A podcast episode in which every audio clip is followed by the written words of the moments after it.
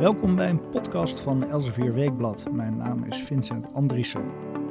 In november 2018 beweerde een Chinese wetenschapper CRISPR-Cas te hebben gebruikt om een genetisch gemodificeerde tweeling te maken.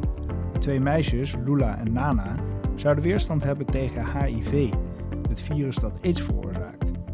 En opeens stond de techniek CRISPR-Cas midden in de belangstelling. Maar wat is het nu precies? En wat hebben we eraan? Mijn collega's Rob Raamaker en Marieke de Kater leggen dat deze week haarfijn uit in Elsevier Weekblad. En ik praat hier in de studio met ze verder over CRISPR-Cas. Rob, om te beginnen. Kun je uitleggen wat CRISPR-Cas nu precies is en hoe het werkt? Ja, dat kan ik uh, zeker. Uh, CRISPR-Cas is uh, ooit ontdekt in bacteriën en daar werkt het als een afweersysteem tegen vijanden. Je moet dat vergelijken met zoals wij in, het, in ons lichaam, als we één keer uh, waterpokken hebben gehad bijvoorbeeld. De tweede keer dat we waterpokken uh, tegenkomen, meteen afrekenen met zo'n ziekte en dat je niet nog een keer ziek wordt. En bacteriën hebben eigenlijk iets wat, uh, het werkt technisch heel anders, maar het werkt ongeveer op dezelfde manier. Hij komt een virus tegen en de volgende keer dat hij dat virus tegenkomt, heeft hij geleerd hoe dat eruit ziet en dan rekent hij er meteen mee af. En hoe doet hij dat? Die bacterie die knipt een stukje van het eh, DNA van het virus, dus de informatie om een virus te maken, knipt die uit en plakt die in zijn eigen eh, DNA. En dan werkt het als een soort barcode, dat die uh, van die volgorde ATCGG, die lettertjes, ziet hij um, dat virus is weer terug. En vervolgens gebruikt hij dus een schaatje om dat DNA van het virus door te knippen. En dan is het exit-virus, het wordt afgebroken voordat uh, dat virus de kans heeft gehad zich te vermenigvuldigen. Dus hij heeft geleerd de vijand te herkennen en dan is meteen knip afgelopen. Nou, dat is dan in de natuur. Um, dat uh, systeem dat is over de afgelopen nou, 20 jaar ontdekt. En uh, wetenschappers hadden vrij kort geleden, dat is ongeveer rond 2010 tot 2012, door als je ehm, eh, zo'n systeem hebt wat een knip zet in DNA, dan kun je dat ehm, kapen. Door uh, dat schaatje uh, niet de barcode uit de natuur te voeden, maar iets wat we zelf willen knippen, kun je zelf dat schaatje op pad sturen om ergens te knippen.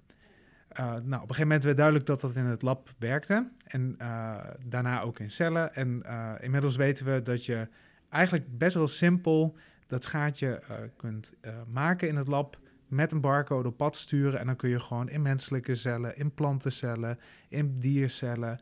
En um, dat is echt opvallend gemakkelijk. Daar heb je niet heel veel specifieke kennis of middelen uh, voor nodig. Met een simpel, vrij simpel lab, niet al te veel geld of expertise, kun je dat gewoon doen. En um, dat is dan in het lab. En nu is de gedachte van we gaan dat gebruiken om erfelijke ziektes uh, te genezen of aan te pakken. Mensen um, hebben soms, uh, zijn erfelijk belast. Dus die hebben bijvoorbeeld een gen wat niet werkt, waardoor je cystic fibrosis kunt hebben, ziekte. En dat zijn de doelwitten waar de gedachten zich nu naar op richten. Hoe kun je dat soort uh, foutjes in ons DNA, die allemaal leed veroorzaken, hoe kun je die aanpakken? Oké, okay, dat is de theorie. Maar dat gaat nog niet altijd goed, toch? Kijk, um, dat is het doel uiteindelijk. Je hebt echt ongeveer 8000 van dat soort erfelijke ziektes. 6% van de mensen lijdt aan zo'n vorm, uh, zo'n zo ziekte. En we willen die aanpakken.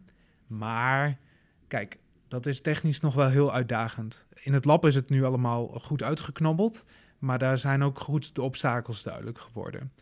De vrees is dat uh, CRISPR niet alleen op de plek knipt waar die moet knippen, maar ook op andere plekken. Dat, dat noemen ze de wetenschappers zelf uh, off-target, dus uh, op, los van het doelwit of naast het doelwit knippen.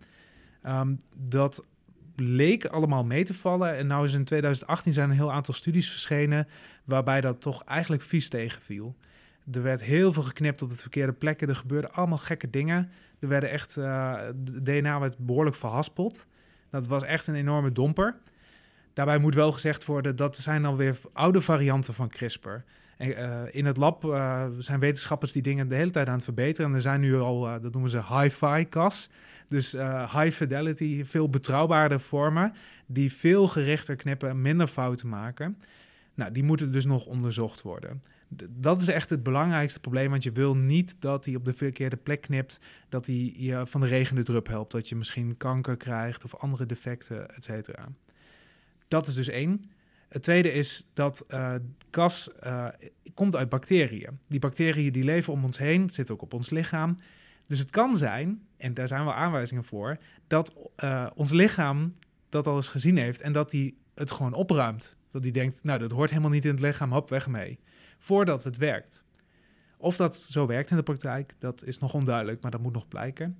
Dat is nog zo'n probleem waarvan je denkt, nou, geen idee of dat uh, opgelost gaat worden. En dan is een derde nog, um, je moet het schaatje überhaupt in het lichaam krijgen. Um, ons lichaam is gemaakt om niet zomaar alles binnen te laten. We willen de boel beschermen en alleen naar binnen laten wat we nodig hebben. En dit is een volkomen lichaamsvreemd iets. Dat moet uh, op de goede plek van bestemming gebracht worden. En dat is uh, iets wat, wat technisch echt nog uh, opgelost moet worden. Nou, dat zijn maar drie van de grote obstakels die nog opgelost uh, moeten worden voordat je echt geneesmiddelen hebt met CRISPR. Nu was er een heleboel te doen over de Chinese wetenschapper en zijn claims.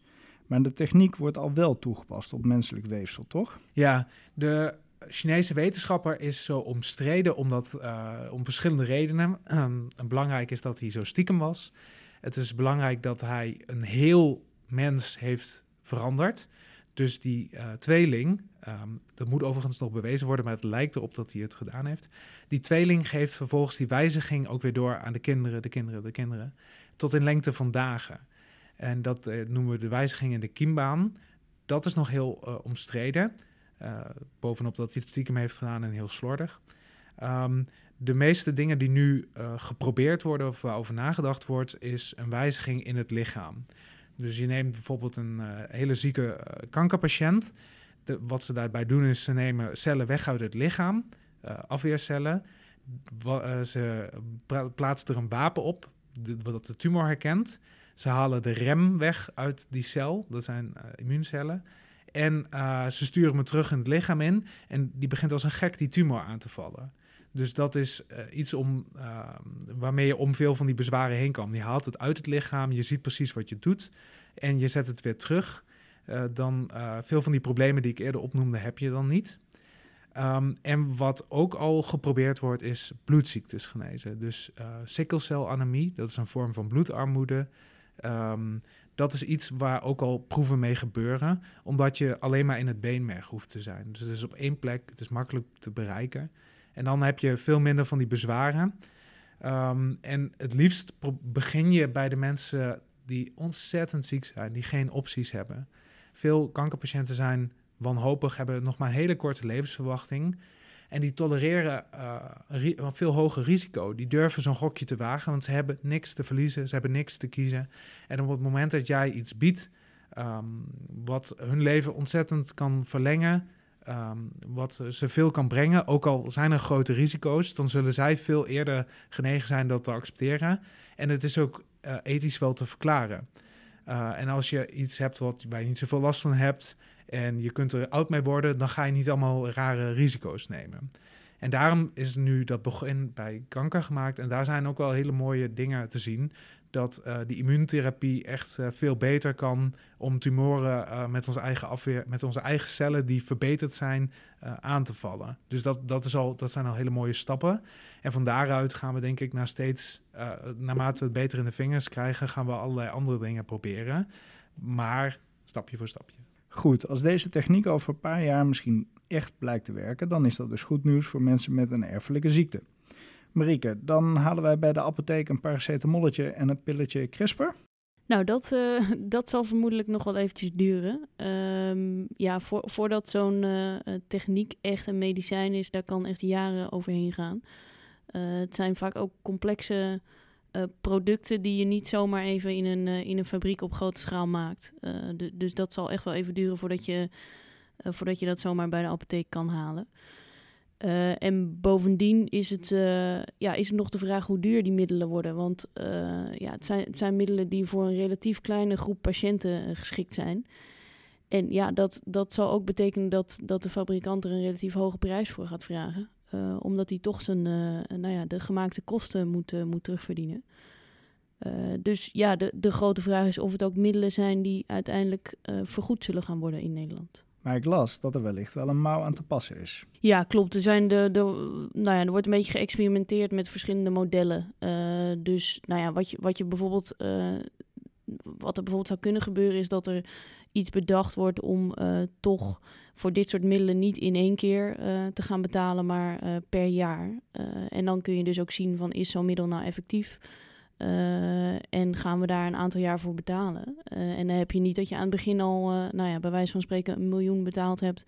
En na een half jaar erachter komt van ja, het werkt eigenlijk bij deze patiënt niet. of een patiënt is om wat voor reden ook komen te overlijden.